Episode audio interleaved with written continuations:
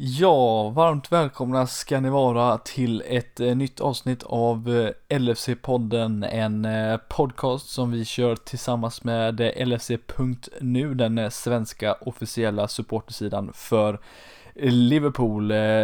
Vi kör även ett samarbete med våra vänner på spelbloggar.se där ni hittar de absolut bästa Eh, rekarna och odds-jämförelserna inför helgens eh, Premier League-matcher, Champions League-matcher som vi kommer prata som sagt väldigt mycket om i det här avsnittet som kommer här eh, alldeles strax. Eh, är det så att ni har några frågor, funderingar till oss just eh, i LFC-podden så är det bara in och följ oss på LFC-podden på Twitter och ställ alla frågor ni har. Vi tar med frågor alltihop ni har och önskar till avsnitt så får vi en god interaktion med även er lyssnare. Men nu kör vi igång kvällens avsnitt.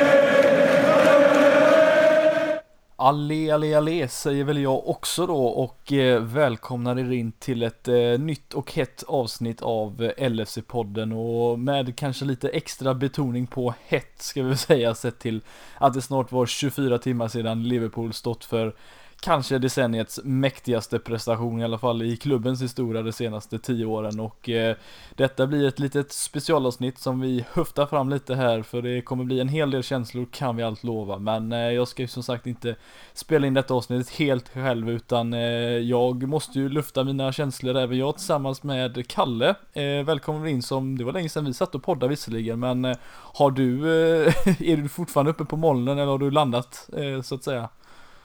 Nej, jag har verkligen inte landat. Det har är väl dumt att eh, göra det. känslorna och smilbanden har gått på, på högvarv ända sedan jag gick och la mig igår faktiskt. Eh, Så att... eh, Nej, det har varit fantastiska 24 timmar från, från det att matchen var slut egentligen. Eh, Under själva matchen var det väl alldeles för mycket nerver för, för min smak, men det, det gick ju vägen till slut. Ja det gjorde ju det.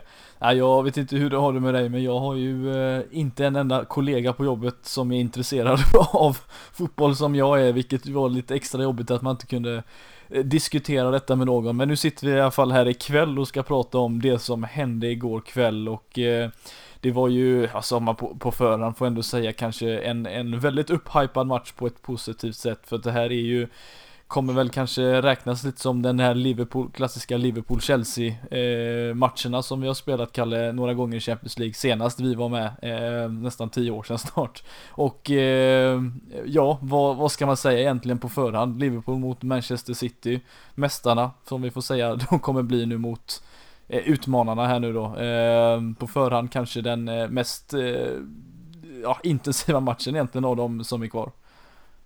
Ja, absolut. För, för en objektiv var det nog en, en drömlottning om man vill se, se bra fotboll. Jag hade väl på förhand velat haft något eh, europeiskt lag. Real Madrid, Barcelona eller Bayern förslagsvis.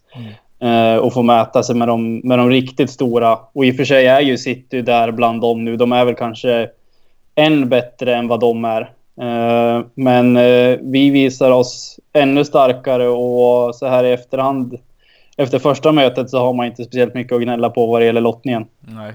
Nej, alltså känslan är väl på något sätt att eh, rent kvalitetsmässigt vad City har gjort den här säsongen eh, är ju helt fantastiskt. Det är ju bara vi som har slått dem i Premier League den här säsongen, eh, fast de har även åkt på förlust mot Wigan i FA-cupen. Men eh, ja, alltså Barcelona, Real Madrid och Bayern är ju fortfarande klubbarna som är där uppe City har inte riktigt nått den, de behöver ju vinna ligan igen och slå, få lite Champions League-titel och liknande men eh, som du säger alltså rent objektivt eh, två attackerande lag som eh, är fruktansvärt bra på att göra mål, det kan ju inte riktigt bli sämre än så.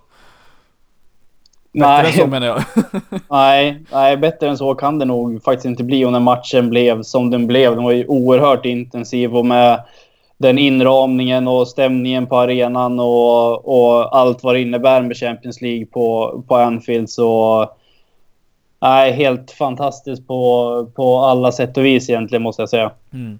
Om vi håller oss till just eh, innan matchen här då, det var ju lite snack och att det skulle bli en sån här välkomnande som det blev mot eh, Manchester City när vi nästan vann ligan och även då mot eh, Villarreal och liknande i Europa League och du har ju varit med där Kalle och stått och ja, välkomnat lagen, eh, när, laget när de kommer med, med bussen där och eh, lite annorlunda den här gången, lite tråkiga nyheter visserligen som, som dök upp där strax innan, eh, innan matchstart.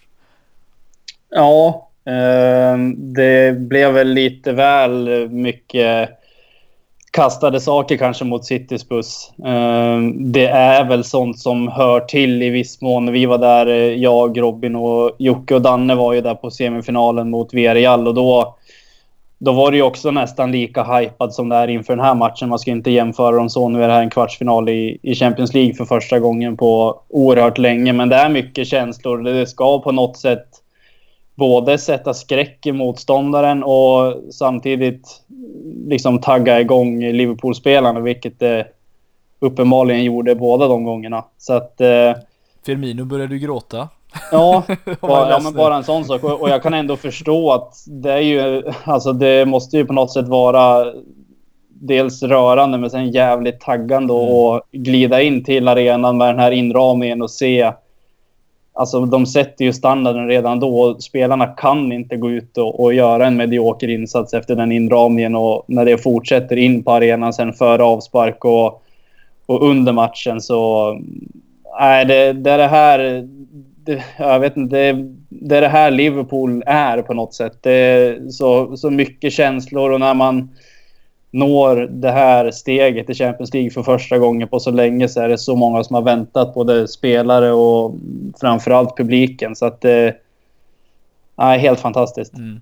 Ja, vi får väl eh, se om det blir, kommer bli något liknande. Det är visserligen en match kvar här, men skulle man gå vidare så kan jag väl i alla fall gissa mig till att det kommer eh, ske något liknande i, eh, i, i, nästa match där på Anfield också som sagt. Men eh, vi är inte riktigt där än och det kommer, eh, vi kommer inte ta ut något i förskott, det har vi inte visserligen gjort heller men eh, mycket kvar att spela fortfarande. För det är ju trots allt en bortamatch mot Manchester City kvar. Så att eh, men den här kvällen ska vi i alla fall fokusera på hur jäkla bra allting egentligen gjordes igår kväll Kalle och det, för det får man ändå säga att eh, på förhand, du vet att Danne och, eh, och Robin som spelade in förra avsnittet med oss där, eller när vi inte var med visserligen, då pratade de om hur Ja, vem ska vara bredvid van Dijk och liknande. Nu var det en hel del skador som dykt upp på sistone. Vi har ju Matip som verkar vara borta under en längre period. Vi har en Klavan som inte har varit och tränat och Gomes som vi vet sedan tidigare borta och då var det inte lika lika svårt att ta fram vem som skulle spela bredvid van Dijk och det blev ju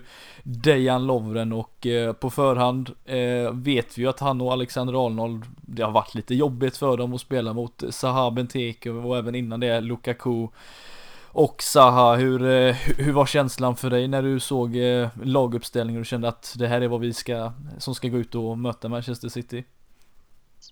Ja, alltså när, när laget väl kom så var det ju väntat med, med tanke på omständigheterna. Eh, det var väl egentligen bara Lovren och, och, Trent egentligen som kunde spela på de två positionerna.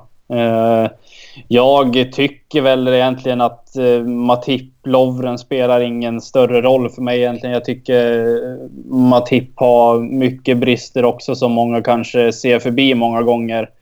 Det och... syns ganska tydligare nu när man har fått in en van Dijk som på något sätt har satt standarden väldigt högt eh, och visat hur, hur bra man kan vara där inne. Ja men, ja, men så är det ju. Och sen eh, Matips matcher och, och de bristerna han har kanske har hamnat i skuggan av, av till exempel om vi säger Lovrens eller Klavans misstag. Så att det var väl ganska tacksamt för honom egentligen att kunna gömma sig bakom honom, man, eller bakom dem om man kan säga så. Mm. Eh, Lovren och van Dijk gjorde ju en fantastisk match på, mot Porto borta också. Då var ju Lovren riktigt bra och igår var han ju tillsammans med alla andra egentligen helt, eh, helt outstanding. Så att eh, jag tycker Lovren känns som en, en ganska bra... Han är ju en spelare som... Alltså en känslolirare egentligen. Det kan ju gå riktigt bra och så kan det gå riktigt dåligt. Men ofta kan jag känna i de här stora matcherna så går han på någonting speciellt som inte, som inte kan få honom att sluta egentligen. Mm. Så att, eh, och både på gott och ont. Det kan ju vara livsfarligt också, men den här gången föll det väl ut. Ja, nej men verkligen, för vi får väl, vi får väl ändå säga så att vi ska inte analysera matchen på det här sättet idag, utan det, det handlar egentligen om hur och, och, och, prata om eh, vad vi gjorde som gjorde ju så att det blev som det blev. För det får jag ändå säga, som jag sa här i början, att det här kanske är den absolut mäktigaste prestationen vi har stått för eh, under de senaste åren. Och eh, alltså hela laget igår kan får man ändå säga stack ut. Alltså det var ju, det var ju 10 poängare av allihopa kan man väl nästan säga. Det var ju inte många, någon som satte mycket eh, foten fel på något sätt. Nej, verkligen inte. Um jag har varit eh, jäkligt förvånad faktiskt att man tycker att City såg jävligt bleka ut men på, på många sätt var det vi som gjorde dem dåliga. Det var ganska intressant efter matchen när, när Lasse Lagerbäck av, av alla hyllar Liverpools försvarsspel. Egentligen hela kollektivet, hur de från, från Firmino ner till, till Karius egentligen gör ett extremt hårt jobb i försvaret och täcker av ytor och passningsvägar för City. Så att City såg otroligt dåliga ut på många sätt. Egentligen bara på grund av att vi la ner ett sånt jäkla jobb och täckte ytor och sprang som fan. Så att eh, all heder åt alla Liverpool-spelare ja, måste jag säga. Och den tolfte mannen. Ja, in, ja men eller, inte minst. Det, och det här visar väl egentligen alltså vad den här mystiken kring Anfield, vart den kommer ifrån egentligen. Många gånger kan det vara knäpptyst på arenan mot, mot Brighton hemma till exempel. Men det är ju de här matcherna det handlar om. Det är när det är Europakvällar, stora matcher i Champions League. Då finns det ingen annan arena och inga andra fans i Europa som, som Liverpool-fansen. Och det det är någonting som man ska vara jävligt stolt över egentligen. För att eh, jag tror det är många utomstående fans som tittar på den här typen av matcher, speciellt igår, och är jävligt avundsjuka på vilket tryck det är på arenan. Mm. Ja, verkligen.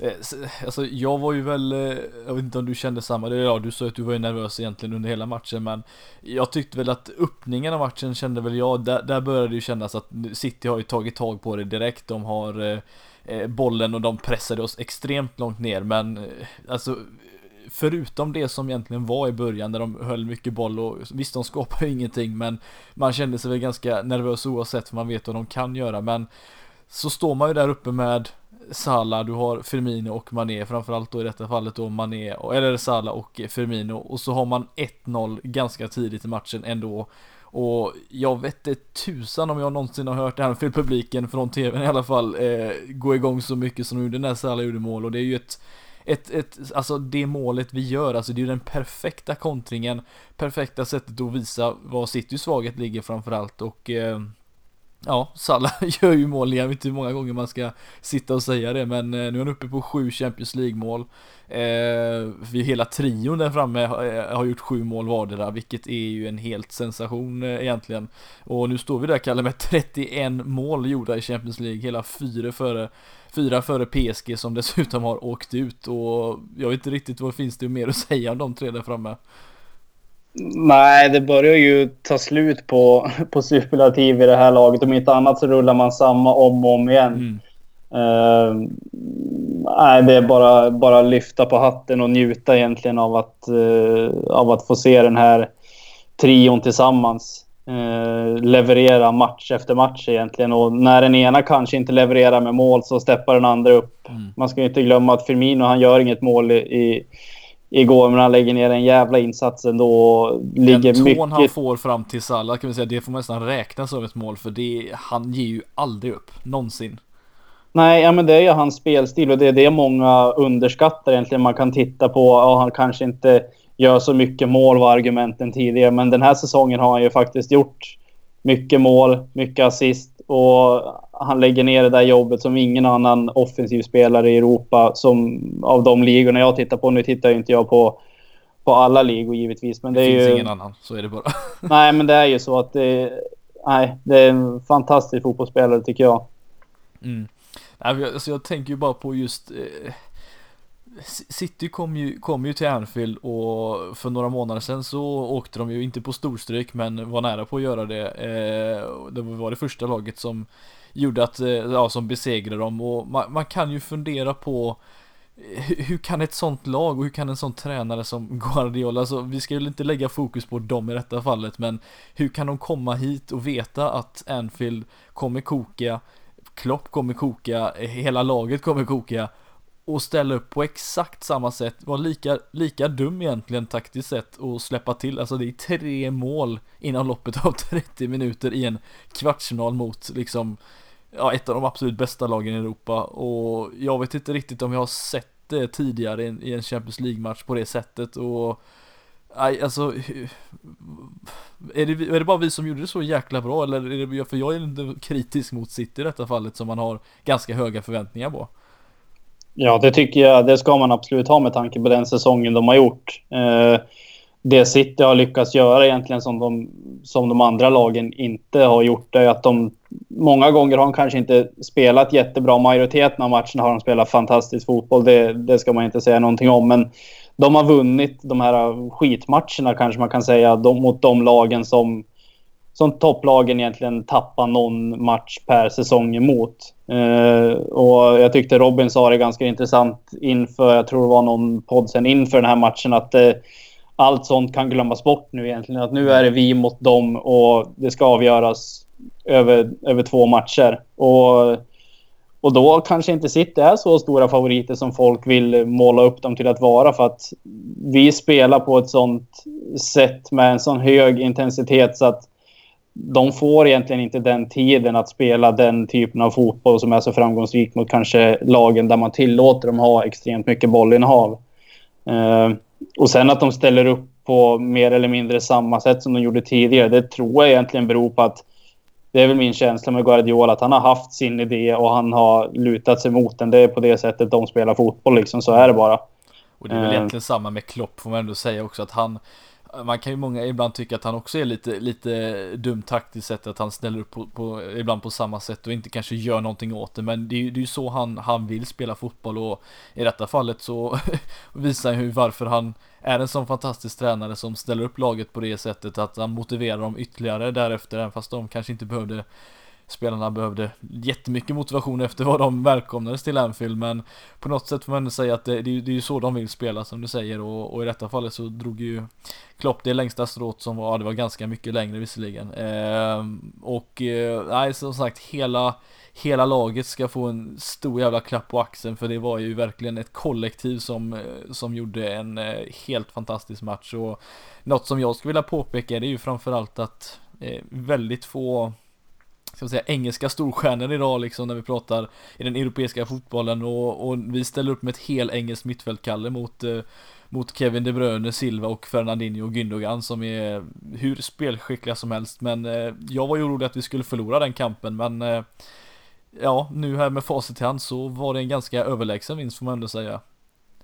James Milner vann väl den kampen kan Ja, han vann den själv kanske. Uh, han, uh, Ja, det, är, det är också en, den typen av spelare som är otroligt bra att ha i den här typen av matcher. Att det är helt hänsynslöst och han går 100% in i varje situation och ger aldrig upp. Han, han kanske inte är den mest tekniska spelaren i Premier League, men han är fan den mest pålitliga många gånger när det kommer till att lägga ner jobbet. Och nej, det är kul att ändå se att ett helt engelskt mittfält, men kanske inte de vad ska man säga, de spelarna som får mest beröm i Liverpool ändå står upp mot ett sånt bra mittfält som ändå City ställer upp med. Det är ju tre världsspelare på, på mitten som de har där. Mm. Så att... Eh, nej, ja, det, det må låta liksom upprepande men eh, jag vet inte fan vad man ska säga för att jag går fortfarande på någon form av glädjerus från den här matchen. Att det,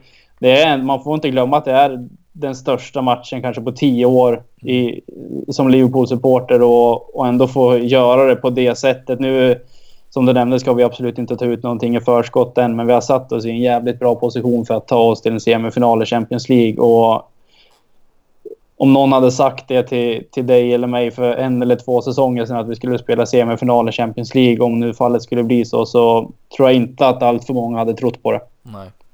Nej, sannerligen inte. Det är, det, är, det är sådana här matcher som, som man drömmer om och nu blir det äntligen verklighet. Men eh, om man håller sig just till mittfältet i sig då som jag ändå på förhand tänkte att det här kommer bli den avgörande faktorn med som jag sa då de, de kvalitetsspelarna som City har och ta en Henderson som Eh, av de spelarna kanske vi ska säga gjorde det lite tystare än de andra men han gjorde det fortfarande väldigt bra. Han låg ofta väldigt rätt och, eh, och eh, vann tillbaka bollen en hel del men jag tänker främst på James Milner och, och Oxlade Chamberlain som igår kanske gjorde några av sina absolut bästa matcher i Liverpool-tröjan och om vi håller oss just till Chamberlain som vi har pratat lite om den säsongen så mot, mot City verkar han ju trivas Kalle och eh, nu var det en assist mot, av Miller till det målet som nu är uppe på åtta assist, vilket är helt sjukt och det är ju tre mer än någon annan i turneringen. Det är ju Suarez som ligger på fem tillsammans med de andra där, men eh, Chamberlain kanske den renaste träffen i Champions Leagues historia.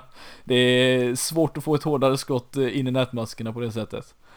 Ja, det, det är det. Det är väl eh, den och Gerards mot Olympiakos i andra mm andra sidan av målet på, mot The Cop. Där har det smält rejält i, i Champions League och det är en fantastisk träff han får på där. Uh, och Klopp har väl påpekat det många gånger egentligen att jag tror det var i någon samband med någon intervju om, om Salah att han har sån näsa för målet men det ligger ofta till grund, grunden till det att han så jäkla gärna vill göra mål. Mm. Och att Klopp har ändå försökt få in det hos Chamberlain egentligen att han måste ta mer avslut för att han ser på träningarna varenda dag vilken, vilken klassavslutare han ändå är. Och att han många gånger kanske hellre lägger den där extra passningen. Och det bevisade han väl igår att han har ett jävligt bra skott. Och, nej, jag tycker det var kul att han fick göra mål också när han får chansen i, att starta i Champions League. För att det är den typen av spelare som, som bara går rakt på hela tiden och det är inga, inga tveksamheter överhuvudtaget. Och den typen av spelare är ganska lätt att tycka om. Mm. Alltså jag, jag kan ju inte sluta tänka på att han, han, han, eh, som sagt i just den här 4-3 matchen så gör ju han även mål också med ett, ett långskott och även fast det kanske var ett, eh, ett rullande skott då men man får ändå säga det, det alltså det jag uppmärksammade var att det var en helt annan skottteknik nästan han fick på, alltså det var ju en en så ren träff, alltså det, den, den, den skruvades inte, den wobblade inte, utan den gick ju liksom den gick ju bara rakt in. Det var alltså, jag, jag vet inte om han gjort någonting annorlunda eller tränat på någonting annorlunda för att jag vet inte om jag har sett honom träffa bollen på det sättet tidigare. Visst, han har styrkan absolut i det, men det där var nog banne med den renaste träffen jag har sett på, på länge alltså. Och, eh, nej, som, som, du säger, att, att få Chamberlain och, och, skjuta med det kommer vi nog må bra av eh, för att det, det, finns en ordentlig slägga i den högerfoten och eh, det är nog inte sista gången Kalle vi kommer, eh, han kommer få fira ett mål mot The Cop. Nej, det, det, tror jag inte. Jag hoppas inte det heller. Nej, precis. Eh, och Mille då, om vi fokuserar på honom lite då som eh, återigen eh, gör en, en fantastisk insats. Eh, vad, gjorde han något annorlunda den här matchen? För att jag tyckte att han kände som att han var lite mer offensiv. Är jag rätt fel ute? Kändes som att han var längre fram i banan och även tog lite löpningar in bakom backlinjen. Även fast han inte fick några bollar i detta fallet så kändes han extremt involverad i anfallsspelet den här gången. Ja, det håller jag med om. Samtidigt som jag tycker ändå att han var jävligt delaktig i i, det, i det, lägga ner det defensiva jobbet också. Så att han är ju en spelare som, man, som är oerhört flexibel och är med både i offensiven och defensiven. Eh, men absolut var han delaktig mycket, mycket i det offensiva spelet och det ger väl ändå någon form av, av alternativ när man kan flytta upp både honom och Chamberlain egentligen och, och ändå låta låta Henderson ligga i en lite mer hållande roll kan man säga. Mm. Eh, och sen eh, alla tre målen vi gör är ju... Det är ju Milner som vinner bolldueller där egentligen på alla tre målen som, mm. som ligger till, till grund för det. Så att... Nej, det... Man ska inte förringa den typen av insatser heller när man sliter som fan för laget. För att det är många gånger det kan gå, gå obemärkt förbi för, för vissa. Men nej, det, Nej, jag vet inte fan alltså. Det... Du, det är svårt att få fram känslan som du säger när man fortfarande eh, liksom har kvar de här känslorna. Ja, man sitter ju ändå och alltså, försöker är... spela upp bilderna alltså, någon ja. gång igen och bara njuta för... nej, vilken jävla show alltså. Ja, nej, det är ju fantastiskt och det, det som vi också ska tillägga nu Kalle, det är ju, det är ju att det, det är ju en, det är två väldigt olika halvlekar, men om man lägger över det liksom till en hel match så, så får man ändå säga att det är ju den perfekta eh, liksom prestationen sett över, över 90 minuter att eh, jag tror Klopp har kom in och, visste att vi kommer inte kunna springa sådär mycket och pressa lika högt. Jag tror jag såg någon statistik från vad de heter, Anfield Index på, på Twitter att eh, vi hade liksom pressat 48 gånger i första halvleket, vilket är Alltså 48 pressspel, det är ju helt sinnessjukt att man orkar ens med det i, i 45 minuter och att man har tid att göra det på 45 minuter. Det är ju helt sjukt egentligen, men eh, Eh, en, eh, ett annat Liverpool, ett annat City framförallt, men den här gången så lyckades vi ju hålla dem helt och hållet från eh, straffområdet och ja, det är ju första gången sedan 2016 i oktober som City inte ens lyckas med ett skott på mål och i en kvartsfinal, det laget, det är ju anmärkningsvärt på många sätt.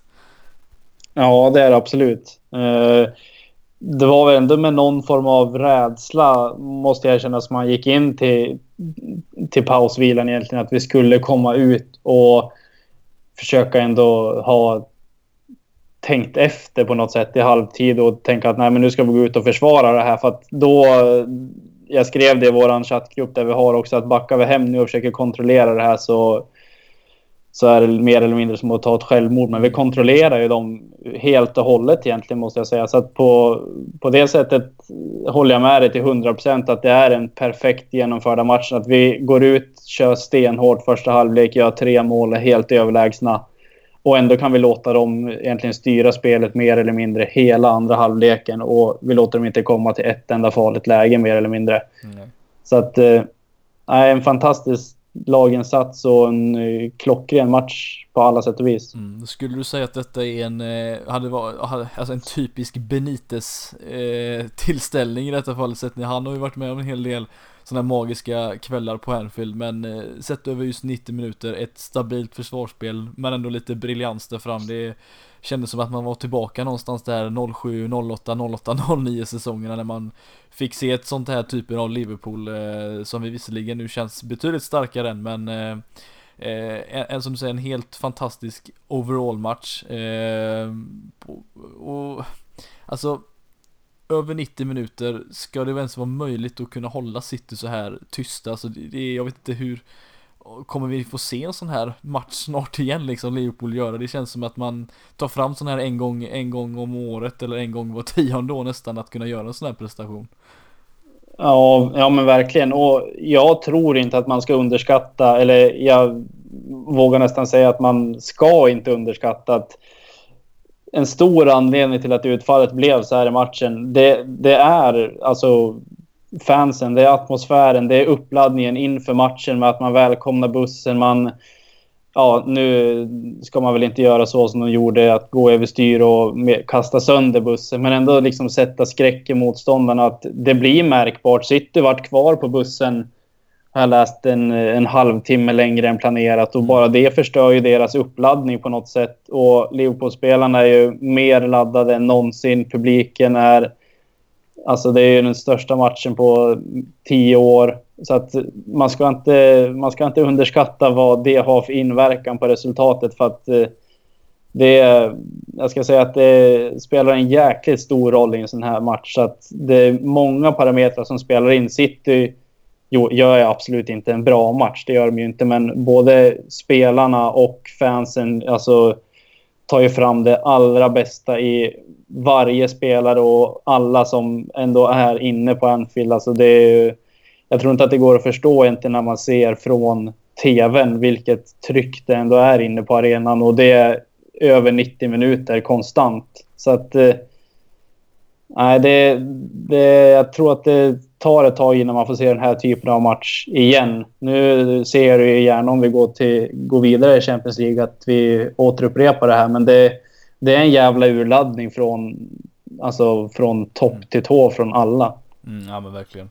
Och alltså två stycken som, eller framförallt en ska vi säga, men eh, ja vi kan nästan börja med honom nästan. Alltså för en som det kändes verkligen som, som eh, liksom eldades igång av detta får vi ändå säga. Jag vet inte om du vet vem jag tänker säga nu, men Trent Alexander-Arnold som gör en eh, definitivt en man of the match prestation i detta fallet och håller Leroy Sané helt och hållet i, i, i sin bakficka i den här matchen. Det var väl bara en gång han egentligen kom förbi. Eh, det var väl då han kom och avslutade där han var offside visserligen men sett över, över hela matchen Kalle så eh, Alltså vilken, han har ju varit så kritiserad de senaste veckorna just för det här som att han har stått och, och drömt lite när det varit lite långbollar. Nu är det en helt annan spelare, han står kanske den absolut bästa en mot en spelaren mot sig och håller honom så tätt, eh, väldigt ofta dessutom i ensam ut mot honom dessutom och gör en sådan fantastisk eh, match. Vad Eh, alltså han är ju som sagt, han är ju mittfältare egentligen och går ut och gör en sån här match nu som ytterback igen eh, den här säsongen och vad finns det att säga om Trent Alexander-Arnold nu med den här prestationen i, i bagaget?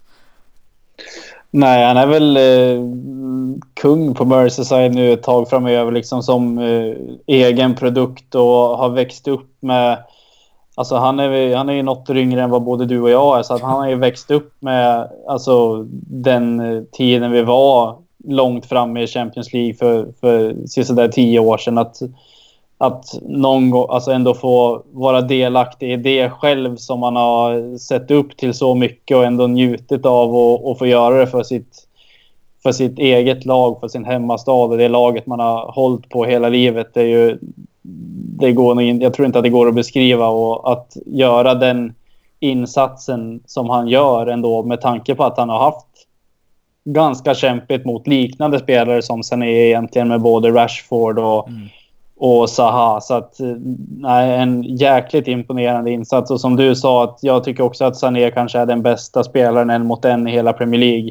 Eh, så att det är väl den spelare man inte vill ha komma utmanade mot den som kanske orutinerad ytterback. Eh, så att eh, nej, för mig är han eh, matchens lirare tillsammans med Milner, men man måste ändå väga in alla parametrar där, att han är 19 år och allt vad det innebär för honom att spela Champions League med Liverpool så är han ohotad matchens lirare för min del. Mm. Jag, jag vet inte vad... Också. Nej, det är absolut. Och jag, alltså, jag, jag kan inte sluta bara tänka på just att, att uh, alltså den mentala delen att, att vara just som sagt eh, eh, scouser, spela den här matchen, vet att du har det här i bakhuvudet på något sätt, att du har fått mycket kritik. Jag vet, vi vet ju att spelarna läser ju på Twitter, de, eh, de, de läser tidningar, allt möjligt, de vet vad som sägs om dem.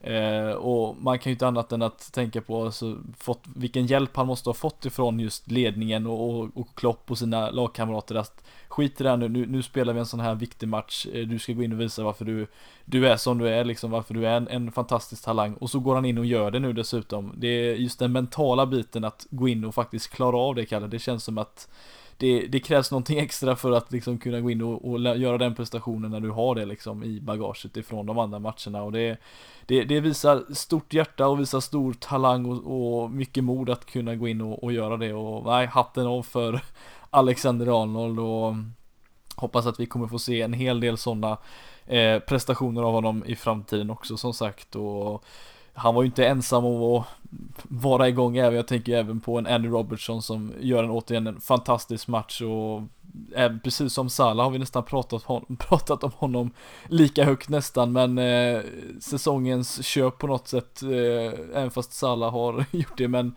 nu har vi en, en ytterback som kommer spela några år framöver här och eh, han visar ju gång på gång varför han är bland de bättre Premier League-backarna i, eh, ja kanske inte just i världen kanske, men i alla fall i Premier League eller? Ja, absolut. Det, det måste ändå på något sätt vara. Salah är ju en jätteöverraskning på alla sätt och vis med, med alla mål han har gjort och det är det nog ingen som har kunnat förvänta sig. Men jag, jag måste ändå säga att Robertson är en, nästan en ännu större överraskning på det mm. sättet att han kommer från Hall för som åker ur Premier League för 8 miljoner pund. Det, det, är liksom samma pengar som vi säljer Kevin Stewart för och bara det är ju... Alltså måste jag bara ringa till Hall och be om ursäkt egentligen. Mm.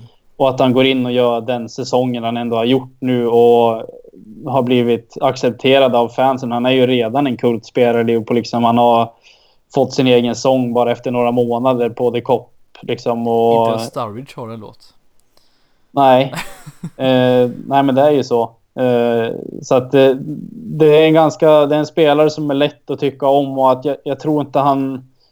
Han gör inte så jävla svårt för sig. Han spelar liksom kontrollerat men han gör ändå det här eh, jobbet som alla älskar. Han lägger ner det där lilla extra. Och nej, helt fantastisk spelare. Han verkar ha en ganska bra liksom, självdistans till sig själv också när han, mm när han skickar iväg den här Firmino-tröjan till den här grabben ja, som precis. skänkte mat till den här foodbanken som de har där utanför. Så att han verkar ju vara alltså, genuint bra på alla sätt och vis. Så att, eh, nej, ett riktigt kap. Mm. Sen, sen får jag ändå säga att, att det jag gillar med honom är att han också visar lite lite attityd just på planen. Alltså om man tar en sån som, som Sterling som han kommer upp emot den här gången igen nu då. Som inte heller hade en lyckad kväll fast han inte spelar hela matchen. Men han vet ju även om det också att Liverpool-fansen inte tycker om honom. Eh, och han, han går in och gör lite fula stämplingar, liksom trycker till lite extra. Alltså det, det är som att han, han är en av oss på något sätt. Alltså han, han vet precis vad fansen tycker om och han, eh, alltså jag älskar att han, han känns som den här svärmorsdrömmen men som ändå har, har något liksom, något, eh, någon liten arrogans bakom sig också så, som visar att han, han är lite tuff och liksom han, eh, alltså jag, jag älskar det verkligen, han känns som en en, eh, en sån spelare som, som man verkligen vill, vill ha där bak som, som gör jobbet som säger det tysta ibland även men framförallt att han har lite attityd, han är inte den här snälla killen som man kanske känns som han är vid sidan av planen utan är lite, lite visar lite attityd och det kanske är det man behöver Kalle för att, för att lyckas, det är därför vi inte, vi, vi sitter här och poddar istället för att vi spelar i Liverpool kanske. Ja men det är så utan, utan den här attityden och liksom vinnarinstinkten så kommer man ju ingen vart, så enkelt är det ju. Mm. Och på något sätt glädjande får man väl ändå säga i den fotbollsvärlden vi lever i nu. Att man kan värva en spelare från ett lag som åker ur Premier League för, för mer eller mindre noll och ingenting. Och han går in och gör... Alltså han går in och är så bra som han ändå är. Och det, det måste man ändå glädja sig åt när det kastas miljoner till höger och vänster på spelare som gör en bra säsong i Monaco till exempel och liksom är hatad på Chelseas mittfält efter en, en halv säsong. Mm. Um, tror, att... du, tror, du, fler lag kollar på det här sättet att, att göra nu, alltså av de här storlagen som är kvar nu? Alltså vi vet ju att, vi tar ett sånt lag som Barcelona, de har ju, det var ju länge sedan de fick upp en sån här super superstjärna ifrån sitt ungdomslag och, och de köper ju inte heller in billiga spelare, inte ens ytterbackar eller liksom bänkspelare går ju för under 20 miljoner pund nästan idag. Eh, men att, att vi liksom lyckas eh, få upp en Alexander Arnold för ingenting i detta fallet och Don Robertson för under ja, 8 miljoner pund. Tror du fler kollar på det här sättet eller ta ett lag ja, som sitter då som är konkurrerande, tror du de någonsin kommer att se detta som ett, ett, ett hälsosamt sätt att bygga ett lag på eller eh, tror du det är bara liksom att äh, vi, vi, vi kör det enkelt och, och köper in spelare istället? Ja, jag, jag tror det framförallt i de klubbarna där det har blivit liksom mer eller mindre standard eller alltså att man värvar spelare för enorma summor och då gå och värva en spelare för 8 miljoner pund från Hall så tror jag alltså även om han skulle kunna gå in och göra jobbet så tror jag inte att eh, en sån spelare skulle få det utrymmet i ett sånt lag där både alltså klubbledning och fans och alla spelare är van vid att det är alltså rekordvärvning på rekordvärvning egentligen. Så att eh, jag tror inte att den typen av laget kommer gå efter de här värvningarna. Nu ska man inte sitta här och säga det, nu gör de väl det i sommar bara därför. Men jag tror att det är ändå det här segmentet som är lite under, kanske man ska säga, rent ekonomiskt som Liverpool ändå är. Och sen beror det mycket på vad man har för tränare också. Klopp är ju den tränare som mest av alla egentligen förespråkar träning för alltså rent bara en quick fix och köpa in en spelare. Så att eh, det måste ju också vägas in. Så att där tror jag det är en jättebra kombination alltså för Liverpool egentligen med att man kanske inte alltid går efter de, eh, de, stora fiskarna men man kan ändå liksom på något sätt förädla den talang som ändå finns i spelare som inte har fått det jättestora utrymmet som kanske de spelarna som storlagen värvar. Mm. Och sen ska vi väl vara ärliga också och säga att om man, om man kollar de, de senaste tränarna om vi får säga så då Liverpool haft om man går tillbaka till Benites tid egentligen då och så fram nu till Klopp så, så känns det som att Klopp eh, helt utan någon som helst utmaning egentligen från de andra tränarna är den som definitivt också köper in spelare som alltså som känns verkligen som handen i handsken för honom. Alltså jag, jag kan inte på, på rak arm komma ihåg där det var någon spelare de kände så här, det här är en perfekt, ja, Rogers spelare eller en perfekt Benitez-spelare, alltså på det sättet, för de var inte lika tydliga tyckte jag med sina köp som Klopp är. Nu har vi en van Dijk som kommit in för stora pengar, som passar perfekt in, det visste vi redan. Vi har en Robertson som han visste troligtvis också att det här kommer bli jättebra, vi bara kanske var lite eh, kritiska vid sidan om då. Det är väl lätt att bli så ibland som supporter, men Keita som kommer in, och alltså Salah, Mané, alltså det är som att han vet exakt det här är vad vi behöver. Och vi sitter ju här och kritiserar ibland att om varför köper vi inte in så, så mycket spelare? Men vi kanske ska bara liksom luta oss tillbaka och acceptera att eh, Klopp eh, vet exakt vilka spelare han vill hämta in. Och han har gjort det fruktansvärt bra och även då med Chamberlain nu på senare tid också. Och det det, nej, det, det är kul att se att det faller många bitar på plats nu. Och eh, han är ju som sagt några spelare från att vara ett lag som verkligen utmanar om ligan Kalle och det känns som att eh, stannar de andra spelarna också så kanske vi är där snart.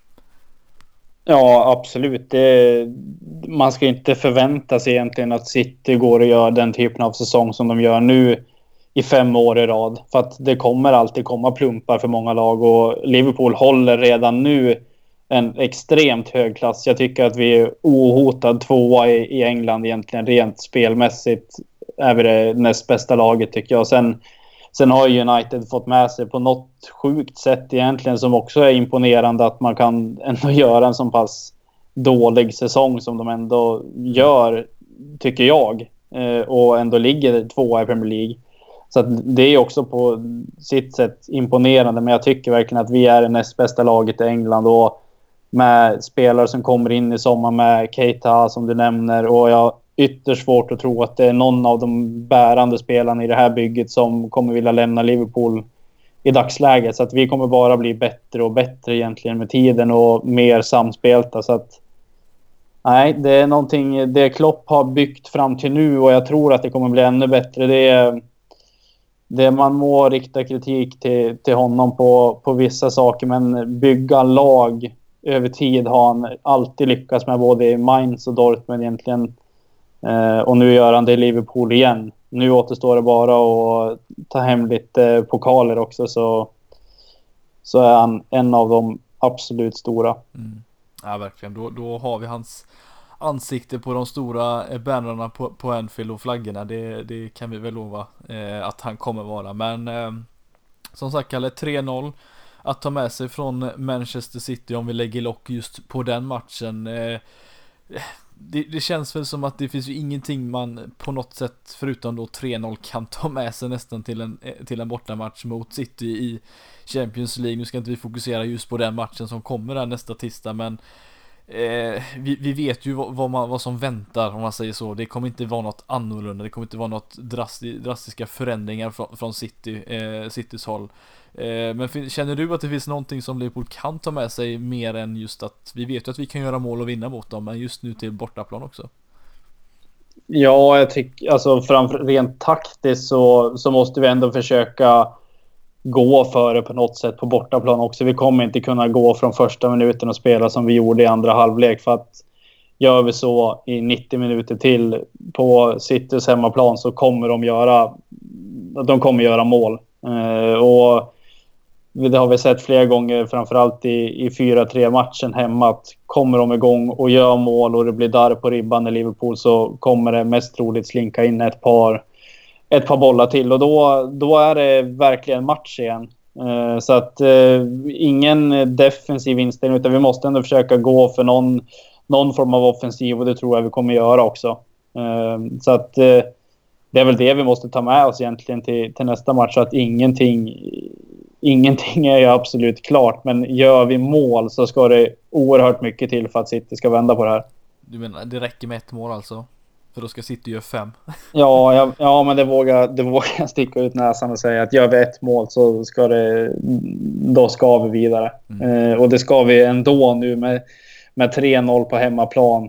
Och de har inget bortamål att ta med sig så att det men man kommer ju sitta där ändå när det är dags för matchen och, och lägga ett spel på att City ska kvalificeras för att man någonstans innerst inne tror att det kommer hända. Så att... Eh, Nej. nej, jag förstår känslan. Jag känner väl likadant. Att, Ris eh... Risken är ju egentligen som, som jag är livrädd för att City gör, gör två mål första halvtimmen eller något sånt. Då, då kommer det bli ett rent helvete rent ut sagt. För att då, Nej, det, jag vågar inte ens tänka på det nu. Så att jag, jag tycker vi gläds åt det vi fick se igår och så tar vi tur med det nästa tisdag istället. Ja, nej, men det låter väl som en bra idé. För det är som sagt, det, det, innan den så är det ju ett derby dessutom, Kalle, som eh, vi inte kommer lägga allt för mycket fokus på. Det, det vi egentligen kan prata upp kanske inför det här, det är ju just att eh, vi fick ju se en Mohamed Salah gå ut eh, direkt egentligen. Det var inte så mycket snack om det. Eh, troligtvis, som det verkar i alla fall, att han att det var mest för att det, han kände någonting och de ville verkligen inte riskera någonting och han verkar ju vara okej okay efter vad Klopp sa också. Men eh, vi lär väl inte få se honom kanske spela i alla fall på på lördag mot Everton. Men eh, vi fick ju i alla fall se en eh, Solanke komma in eh, istället för Firmino som såg lite besviken ut. Men han hade ju sprungit som sagt en jäkla massa. Eh, istället för Ings eh, var det något som eh, höjde några ögonbryn eller kände du att det var det mest logiska valet att byta in i den matchen? Ja, alltså jag, direkt när han vart inbytt så, så skrev jag på Twitter lite förvånande att vi liksom slänger in Dominic Solanke i en Champions League kvartsfinal. Men jag förstår ju bytet på något sätt ändå att man vill få in det var tyngd dels, man ville få in egentligen, ja, ja, men exakt. Man vill få in lite tyngd, ändå någon typ av uppspelspunkt som man kan lägga upp bollen på och liksom hämta andan lite grann om man ska säga så. Och även vila Firmino för att eh, det har Klopp varit tydlig med många gånger att Firmino han liksom spar inte på sitt eget krut utan han kör tills det tar helt slut så att man måste plocka av honom för att han har inte den det tankesättet att nu måste jag nog ta det lite lugnt. Så att på det sättet förstår jag det bytet till 100 procent egentligen. Men jag tyckte bara att det var lite, lite kul på något sätt att se Dominic Solanke i en Champions League-kvartsfinal för Liverpool hemma mot Manchester City. Ja, man kollar på de andra lagen som eh, ett Real Madrid som slänger in en, eh, en Asensio, de slänger in en, eh, en Kovacic och lite vad det nu kan vara och vi slänger in en, en helt orutinerad Dominic Solanke. Det säger väl en hel del om att vi, vi är väl inte riktigt där truppmässigt jämfört med de stora men att slå City med 3-0 får vi ändå säga att det det är ju en bedrift så då spelar det ingen roll vilka vi sätter in på planen men eh, Känslor inför Everton-derbyt här nu då som, som kommer det är ju eh, Chelsea får vi ändå säga som, som är den där laget man vill hänga av här nu då eh, inom kort eftersom eh, fjärdeplatsen på, något sätt, på något sätt känns ganska avgörande om man eh, lyckas ta några poäng ytterligare här Kalle. Är det är det mycket förändringar som du tror kommer ske eh, rent eh, truppmässigt eller spelmässigt på startelvan här till på lördag? Rent försvarsmässigt tror jag att vi kan se någon, eh, någon liknande uppställning. Det, det vore kul att se Klein spela om mm. han, är, om han är, är redo för att det, det verkar han ju uppenbarligen vara nu. Uh, och sen... sa ju att han, han, är, han är fit men han har ju inte något matchtempo överhuvudtaget. Det var Nej. egentligen så han har sagt eh, och förklarat hans situation. Ja men precis och sen eh, Gomes, alltså vi har ju en situation där med Gomes också så att det vore oerhört dumt egentligen att spela Trent och riskera någonting ändå inför, inför tisdagen där. Så att då är väl han det alternativet egentligen. Uh, Sen tror jag vi kommer få se att både, jag tror både van Dijk och Lovren startar. Man, får ju, man måste ju ha åtanke att det är ju City främst som står i fokus nu, men det är ändå ett Merseyside-derby som mm. betyder enormt mycket för, för alla inblandade också och framförallt i, i ligapositionen att vi måste ändå på något sätt ta, ta vinster nu under våren för att säkra topp fyra. Uh, för det är ju ganska snopet att och, och liksom åka på en plump här mot, mot Everton eh, blir nervös då man åker ut mot ett, ja, mot ett City exempelvis. Står man där helt utan Champions League plötsligt när man har nästan allting i egna händer på något sätt. Det, det är ju liksom det absolut värsta som kan hända så att det är viktigt att i alla fall få med sig poäng kan jag i alla fall tycka ifrån derbyt. Eh, men det känns sjukt att man sitter där och inte lägger man känner att det är inte liksom viktigt på något sätt, eller inte lika viktigt i alla fall. Man, det är inte samma sug för den här matchen som man har haft tidigare kanske. Nej, verkligen inte.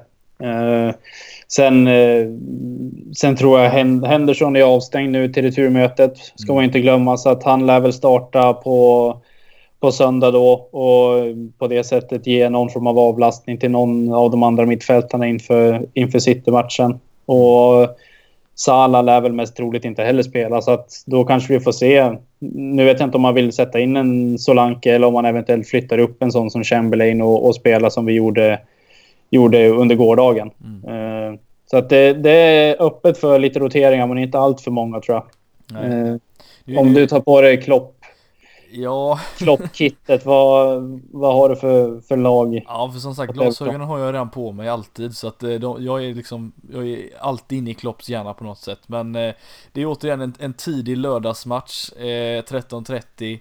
Eh, vi har ju som sagt haft problem lite med de matcherna tidigare. Nu gick vi visserligen och, och vann mot Crystal Palace där, men eh, jag tror väl som du säger att några ordinarie spelare kommer vi få se framförallt i backlinjen just för att det inte finns så mycket att hämta in därefter. Men eh, jag tror att vi kommer få se eh, lite rotation där med eh, Wijnaldum kommer säkert få spela, Henderson vet vi nog kommer få starta sett till att han då är avstängd. Men eh, några spelare, jag vet ju att Klopp han vill inte förlora den här matchen, han vet ju att det är fortfarande ett derby så att eh, Eh, jag tror att vi kommer få se kanske en fyra, fem förändringar då. Eh, tror till exempel inte att, eh, att Mignoléns går in och, och ställer sig i den här matchen utan jag tror att Karius fortfarande står kvar här så att... Eh, ja, det vore, det vore oerhört dumt att byta in Mignolet i en sån här match när, när Karius ändå är inne i det Precis. flowet som han är. Så ja. att eh, det bytet tror jag inte vi behöver oroa oss för för att han sitter bra där han sitter nu, Mignolet. Ja,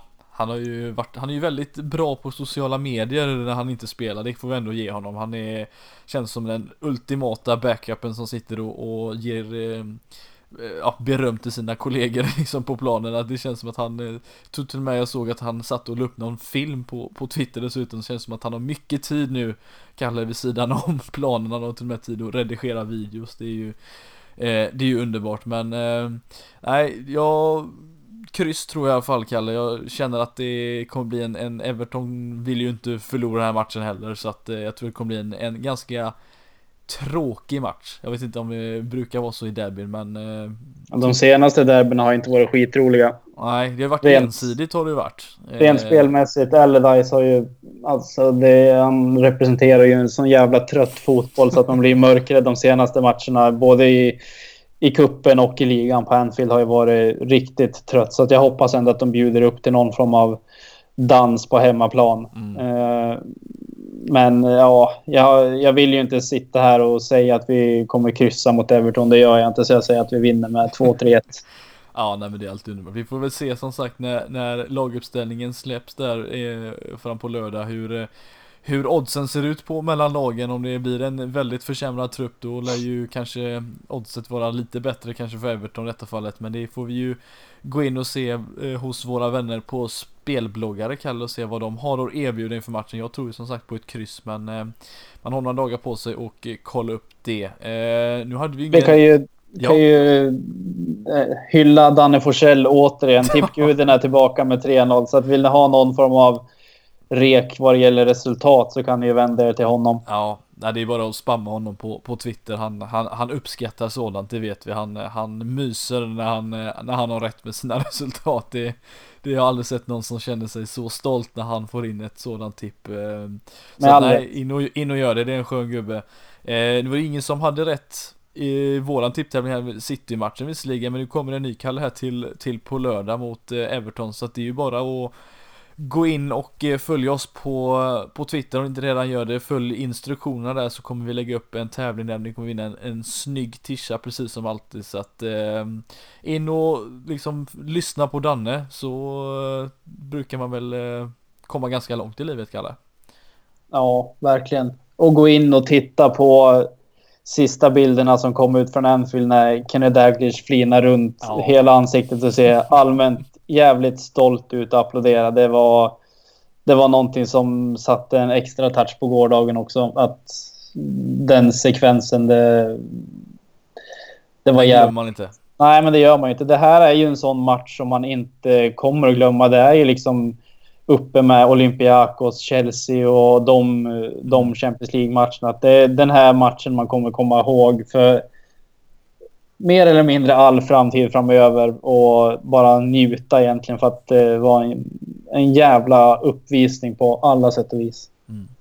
Ja, nej men det kan vi nästan ja, avsluta det här avsnittet med de orden som du säger Kalle, för det får vi absolut säga att det var. Men eh, vi som sagt kommer vara tillbaka snart igen och prata lite Everton och även prata framförallt inför City-matchen som kommer komma där eh, nästa vecka igen i returmatchen. Så att eh, Fram tills dess, tack så jättemycket för att ni har lyssnat på det här avsnittet eh, som vi höftade fram här lite med mycket känslor från gårdagens eh, supermatch på Anfield mot Manchester City så hörs vi snart igen. Up the Reds.